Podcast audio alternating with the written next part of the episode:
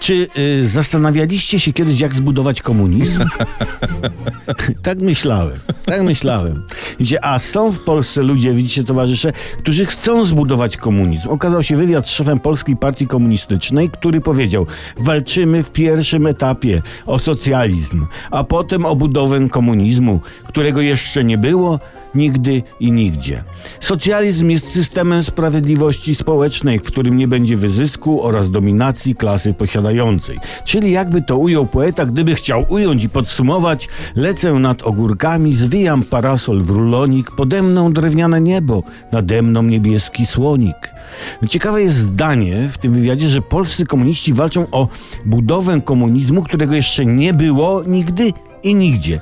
I ja mam rady, jak należy zbudować komunizm. Trzeba najpierw bardzo pieczołowicie towarzysze zadbać o kapitalizm, żeby się rozwinął, wzbogacił i okrzepł. E, dlaczego?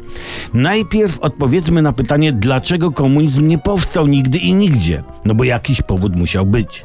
Otóż socjalizm, czyli wstęp do komunizmu, rozpierniczył kasę, którą zostawili kapitaliści i brakło już forsy na budowę komunizmu. Dlatego powrócił kapitalizm, żeby zebrać forsę na komunizm.